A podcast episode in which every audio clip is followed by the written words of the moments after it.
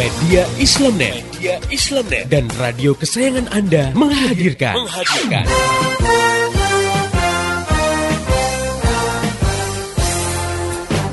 Voice of Islam. Voice of Islam. Voice of Islam. Pastinya di ajang kontes kecantikan itu ada pamer aurat dong. Oh, bener banget, Mbak. Padahal seorang muslimah kan diperintahkan Allah Subhanahu wa taala untuk menutup auratnya ya. Biasanya para kontestan itu kan pasti harus berlenggak-lenggok di hadapan dewan juri. Iya.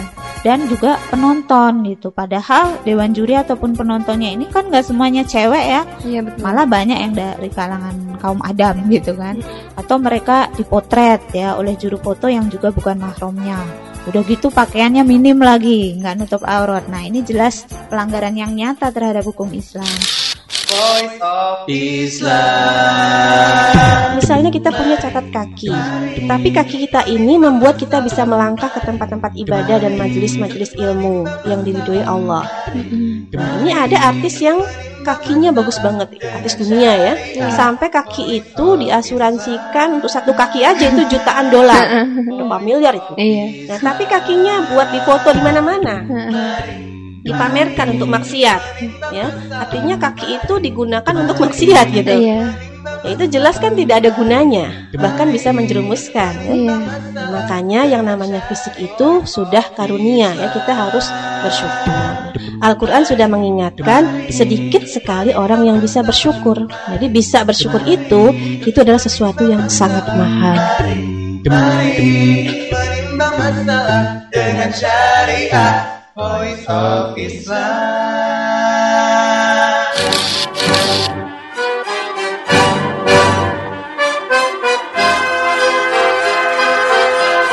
Voice of Islam. Voice of Islam. Voice of Islam.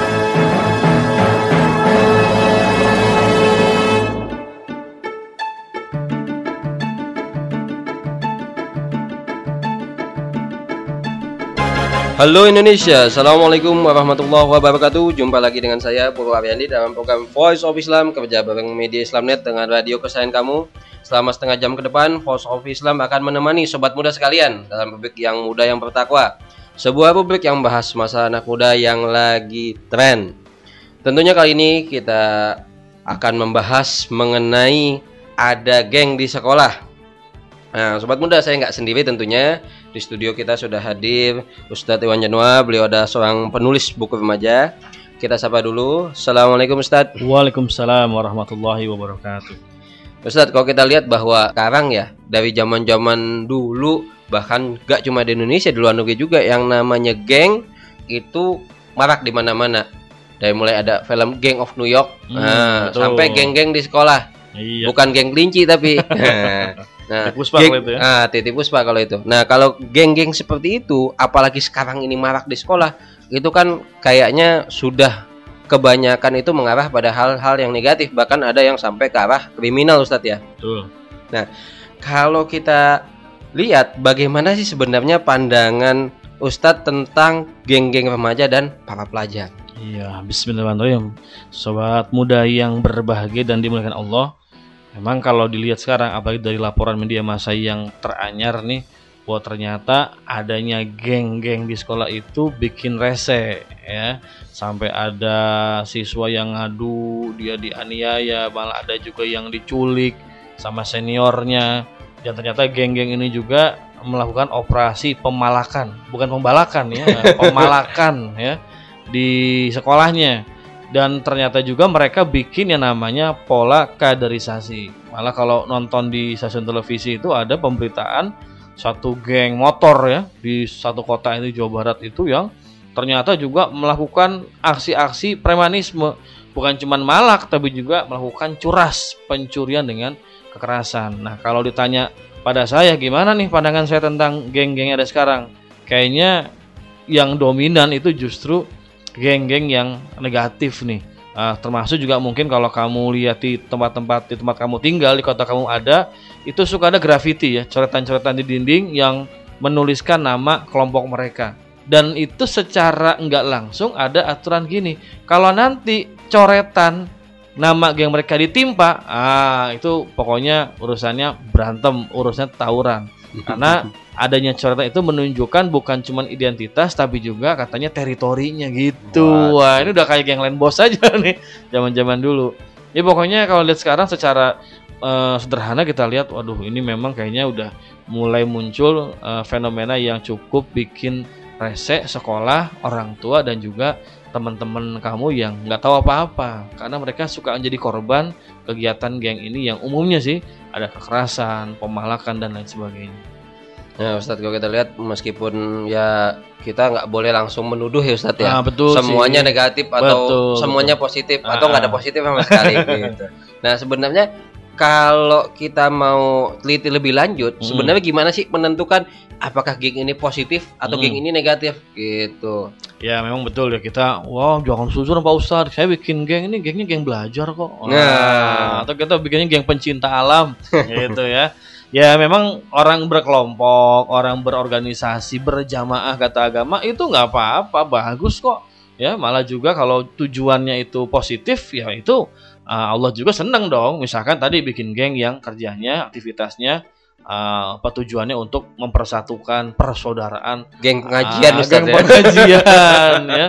Oh, untuk misalkan alumni sekolah nih supaya kalau ada masalah bisa saling bantu. Tapi bukan masalah-masalah yang ini ya, yang negatif gitu. Karena ada juga geng eh, solidaritas.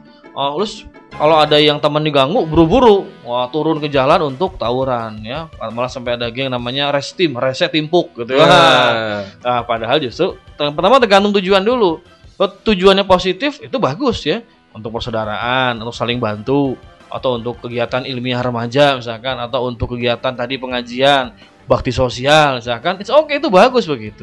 Nah, tapi kalau udah tujuannya negatif dari awal kita bikinnya untuk melindungi setiap anggota kita misalkan ya, untuk menjaga teritori kita dan kalau orang lewat sini harus kita palak. Nah, pokoknya orang lewat daerah sini, lewat daerah sini halal hartanya darahnya. Wah, udah kayak gitu dah rese kalau gitu. Ya pertama tujuan. Yang kedua tentu aktivitas. Mungkin tujuannya oke ya, tapi sering kali tujuan oke nggak dibarengi dengan aktivitas yang oke juga. Tujuannya solidaritas, tapi kegiatannya tawuran. Ada temennya misalkan benjol sama siapa lu? Sama Nono. Wah langsung turun. Padahal mungkin kesenggol nggak sengaja gitu ya.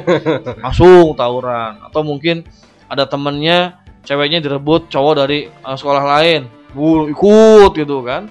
Ah, ini tujuan sih mungkin bagus ya, menggalang solidaritas. Tapi aktivitasnya juga harus benar. Karena nggak boleh dong kita sebagai muslim asal cuma niat bagus lalu segala cara dipakai. Nah, itu nggak benar juga. Atau bikin geng belajar. Tapi aktivitasnya apa? Nyontek gitu kan. Bagi-bagi contekan kalau ulangan. Cara menyontek yang baik dan Ah, benar. jadi antar gengnya tuh saling bagi-bagi contekan misalkan. Nah, yang kayak begini jelas negatif ya. Jadi walaupun mungkin tujuannya baik tapi kalau nggak dibarengi dengan kegiatan yang positif ya nggak negatif juga ujung-ujungnya. Ya, Oleh karenanya geng itu positif atau enggak lihat tujuan, kedua juga aktivitasnya benar apa enggak. Nah, kalau dua-duanya sudah benar nggak jadi soal. Bahkan positif kalau kita ikut bergabung ke sana atau kita juga bikin uh, geng juga tapi dengan tujuan-tujuan yang positif tentunya. Nah Ustadz kalau kita lihat eh, memang geng sendiri kita nggak bisa langsung justifikasi ya itu negatif atau positif kita bisa Iya. lihat dari segi aktivitasnya Tep- dari segi hmm. niatnya. Nah kalau dalam Islam sendiri sebenarnya gimana sih Islam memandang geng-geng yang tukang bikin onar gitu? Hmm. Atau dulu ada nggak ya kayak gitu ya?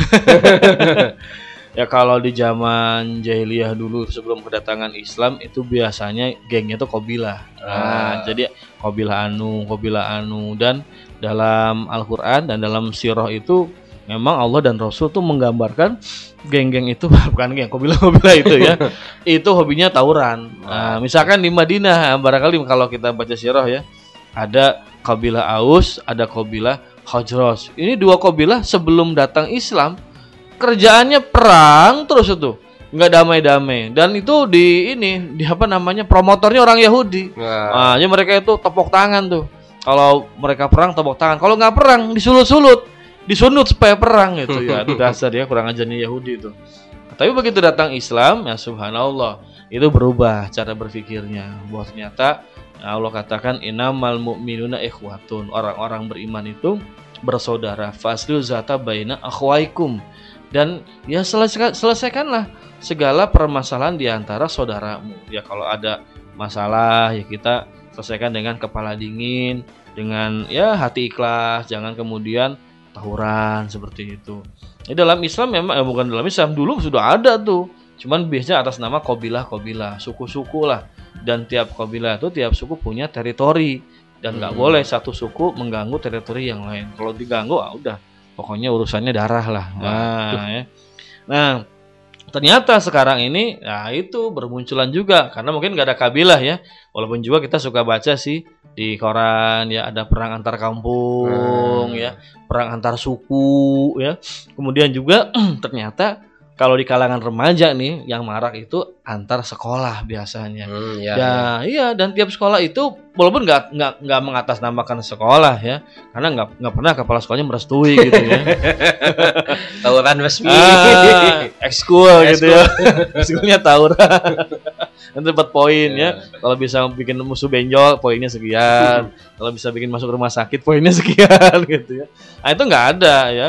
Tapi biasanya ini siswa-siswa tertentu inisiatif dia membuat jaringan-jaringan pertemanan, cuman lebih kencang lagi. Nah, dibentukkan sebuah geng. Malah ada biasanya nih kalau yang pernah saya tonton beberapa waktu lalu di televisi itu ada ritual penerimaan anggota gengnya ya. Itu kalau yang saya Hmm. tonton itu sampai disuruh berantem beranteman. Wah, berantem betulan maksudnya. Ya. Jadi supaya katanya menunjukkan setia itu pada geng bukan pada teman.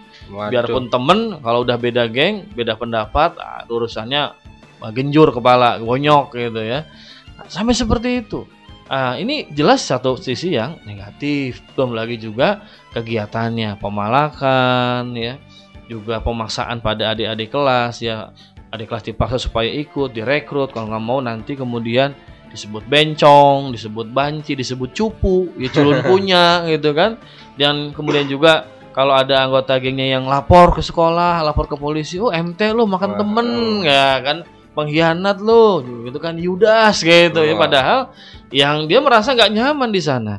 Nah jadi kalau dilihat sekarang ini ini prihatin ya karena banyak uh, sisi-sisi negatif yang terjadi. Kalau dalam pandangan Islam jelas ya bahwa orang berkumpul boleh aja, tapi berkumpul dengan tujuan tentu persaudaraan karena agama. Ya tadi kan jelas ya Allah katakan inamal mu'minuna ikhwatun. Para orang beriman itu bersaudara. Nabi juga bilang al muslim akhul muslim la yadlimuhu wa la yaslimuhu. Seorang muslim, saudara muslim yang lain jangan menzoliminya dan jangan menyerahkannya kepada musuh. Dizolimi nggak boleh. Gimana misalkan dipalak. Nah, Hmm. pemalakan sudah kezoliman. Gitu. apalagi ngegebukin ya. Ah, digebukin itu kok. Saya nggak malak pak, gebukin doang. Ah, itu itu zolim juga. Orang nggak punya salah. Ingat loh, Nabi bilang itu nanti di akhirat itu akan ada hari di mana orang makhluk itu bisa saling membalas. Artinya orang yang dizolimi akan membalas pada orang yang menzoliminya sampai-sampai kambing yang tak, yang tak bertanduk akan membalas kepada kambing yang pernah menanduknya dulu. Kambing aja dikasih kesempatan sama Allah untuk membalas, apalagi manusia. Ah, Masya Allah ya.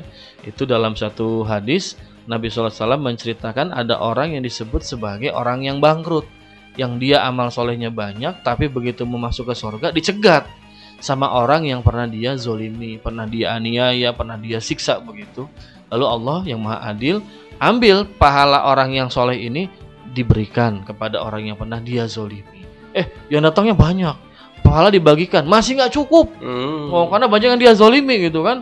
Yang dia palak dulu, yang dia racing, yang dia gebukin, yang dia ancam gitu kan. Yang dia mungkin apalah segala macam, banyak banget.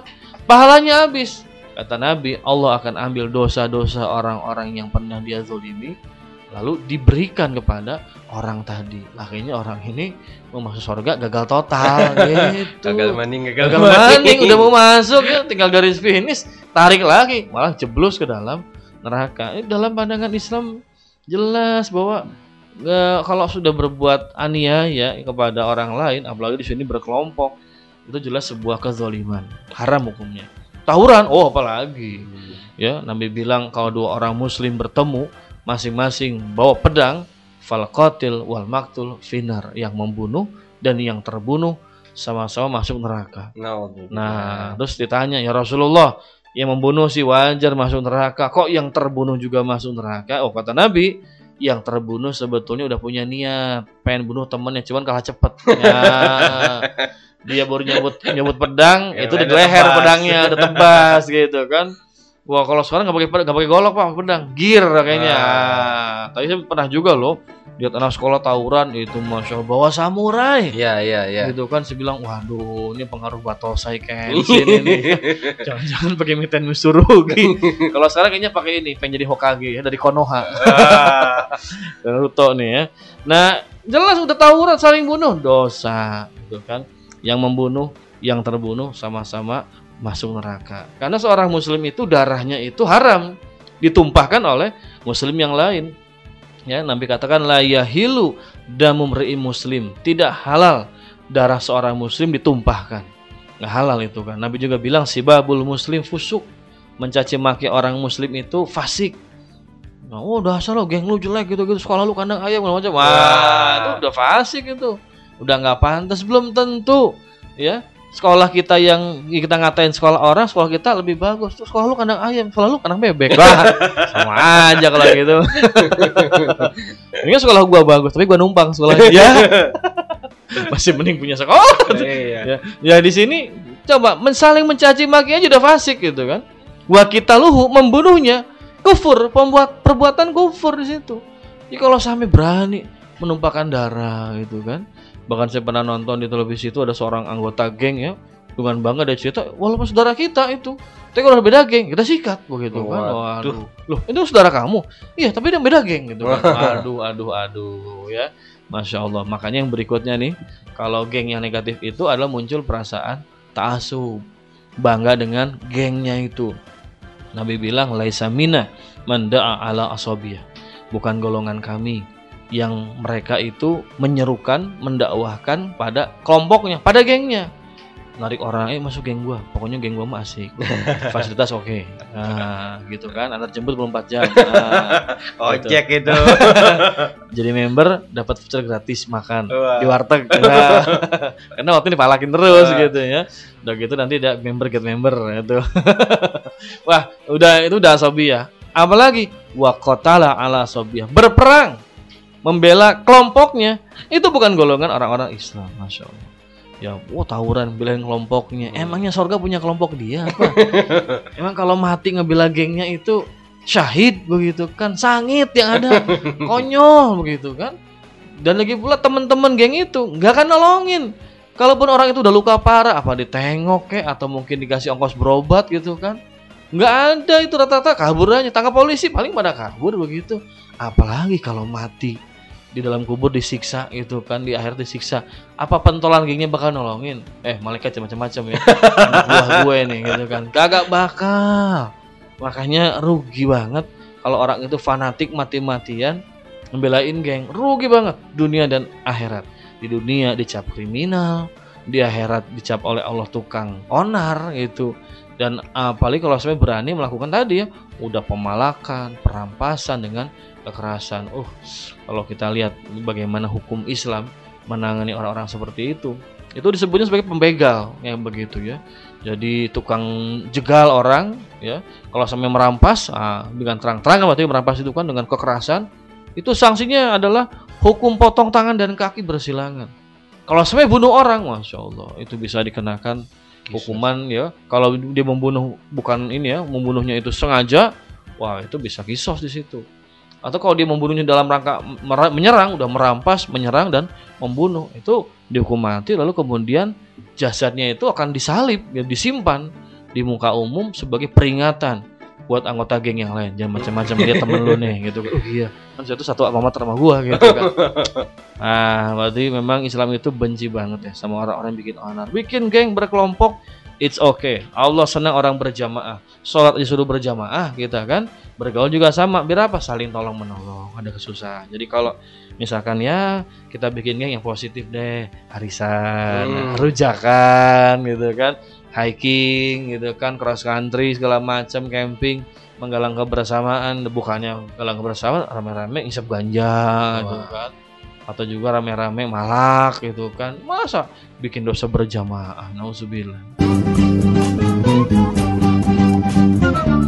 Masih Anda ikuti Voice of Islam. Voice of Islam. Mari, mari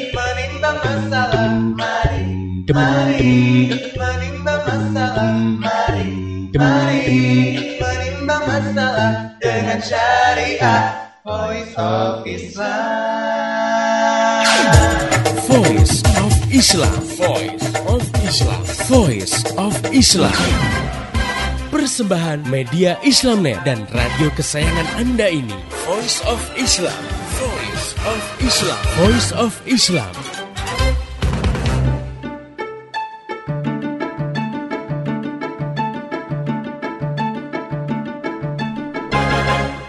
Masih di Voice of Islam kerja bareng media Islamnet dengan radio kesayangan kamu ini sobat muda masih bersama saya Pura Aryani dan Ustadz Iwan Januar kita tadi sudah membahas panjang lebar mengenai geng-geng yang baik yang positif maupun yang negatif tadi Ustadz Iwan Januar sudah menjelaskan bahwa geng yang negatif itu mah udah tinggal di depak doang kan neraka nah Hmm. untuk teman-teman kita nih Ustadz yang Hmm. sudah terperosok terjerumus Iya, ke dalam geng-geng gitu gimana Ustadz solusi buat mereka nih Ustadz Iya, pertama sih ini buat para anggota geng, wahai anggota geng. wah Nah, sadarlah ya bahwa apa yang kamu-kamu kerjakan itu nggak ada manfaatnya ya.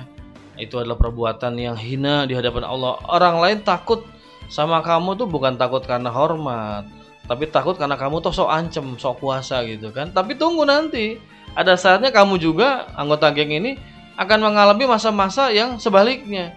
Coba anggota geng udah tua. Ah, tatoan waktu muda, gambar macan udah tua jadi kayak kucing. misalnya. Ribut soalnya gitu kan. Orang nggak hormat lagi, gitu kan dulu orang-orang mencibir. Dulu anggota geng, sekarang kasihan ya, sholat aja nggak bisa gitu kan. Dulu suka ulaga naik motor ngebut-ngebutan, sekarang naik motor bengek. ada masanya deh.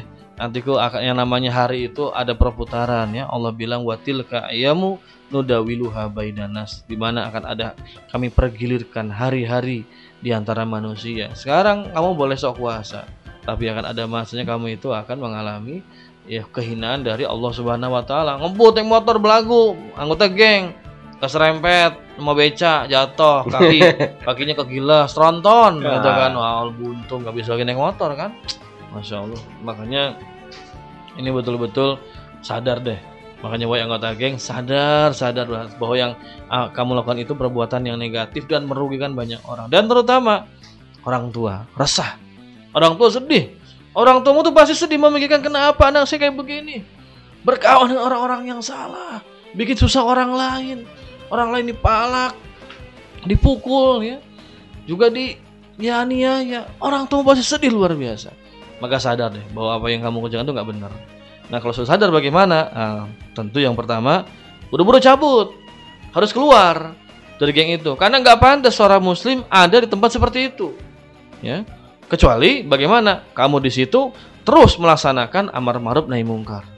Nabi bilang man ra'a minkum mungkaran fal biyadihi fa ilam yastati fa bilisanihi fa ilam yastati fa biqalbihi wa dzalika dhaful iman. Kata Nabi, siapa yang melihat kemungkaran ubah dengan tangannya. Kalau nggak bisa dengan lisan omongin bahwa hey anggota geng teman-temanku semua itu batil nggak boleh kita. Jadi nggak boleh ngerampok, nggak boleh malak. Jadi harus ada amar ma'ruf nahi mungkar sama teman-teman kamu di sana. Daripada kita malak, mending kita sodako ke masjid. Ah, kan? Gitu positif daripada kita ngerampas satu orang. Yuk kita bersihin got di kampung-kampung. Kita bersihin, kita buang sampah. Ah itu kan positif malah di situ. Ya, sadarkan harus ada amar ma'ruf nahi mungkar. Terutama nih ketua gengnya nih, ya. Terus nyadar banget. Terus berikutnya apa?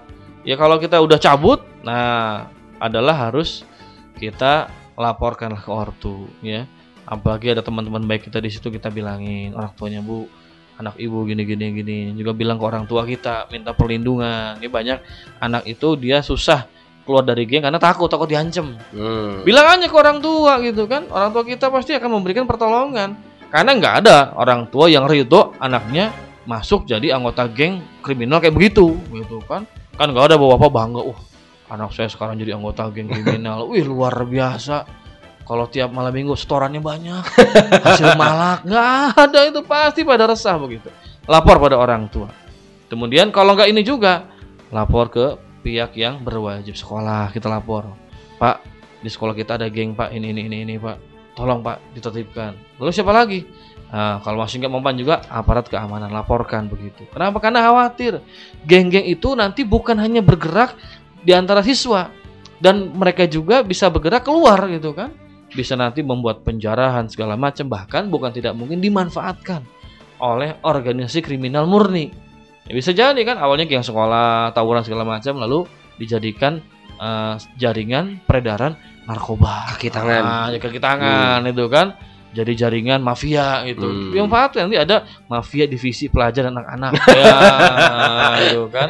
Narkoba divisi anak sekolah gitu kan, SMP berapa gitu kan. Ada siapa agennya, dapatkan di situ. Nah, bisa aja kayak begitu. Makanya harus ada deh kamu yang masuk geng situ kamu tuh dimanfaatkan sebetulnya oleh pemimpinmu itu yang nggak bertanggung jawab sebetulnya. Keluar ya, lapor kepada orang tua pada pihak yang berwajib supaya tobat.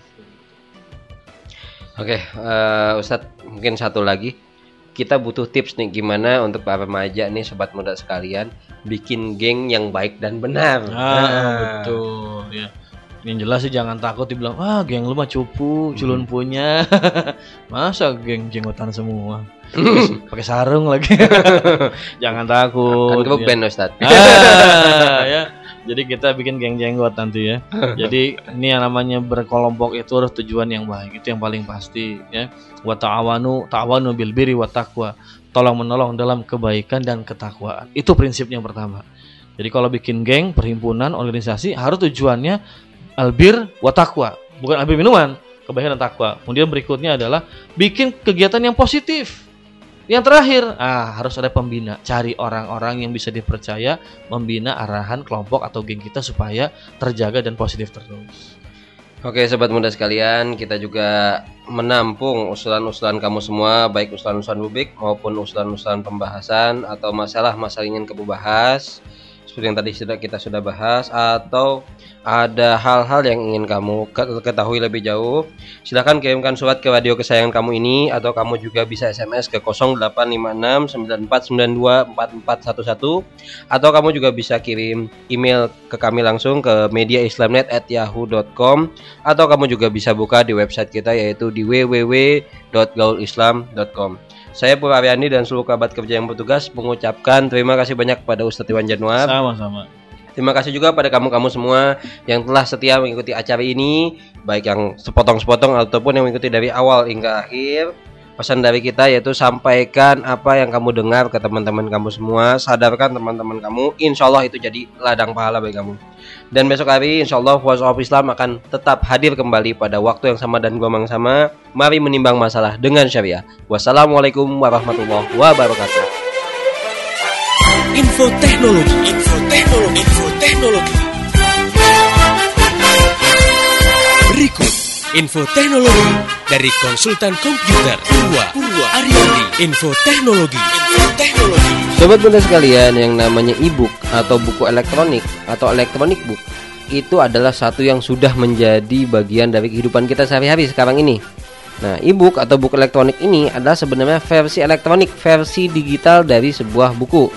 Kalau kita bilang bahwa sebuah buku itu kumpulan kertas-kertas yang berisi teks, gambar, maka buku elektronik atau e-book itu juga berisi informasi yang berupa teks dan gambar gitu. Padahal bentuknya hanya sebuah file digital. Nah, sekarang ini yang namanya e-book atau buku elektronik itu semakin diminati. Tentu kamu pengen banget punya yang namanya e-book. Kenapa?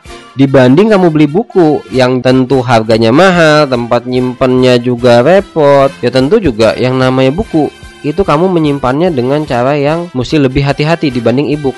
E-book cukup kamu simpan dalam komputer dengan jumlah yang relatif kecil bahkan hampir tidak kelihatan. Kamu bisa memiliki berbagai koleksi e-book. Tentu ada satu juga kelebihan e-book yang tidak bisa kamu dapatkan pada buku biasa adalah fitur pencarian.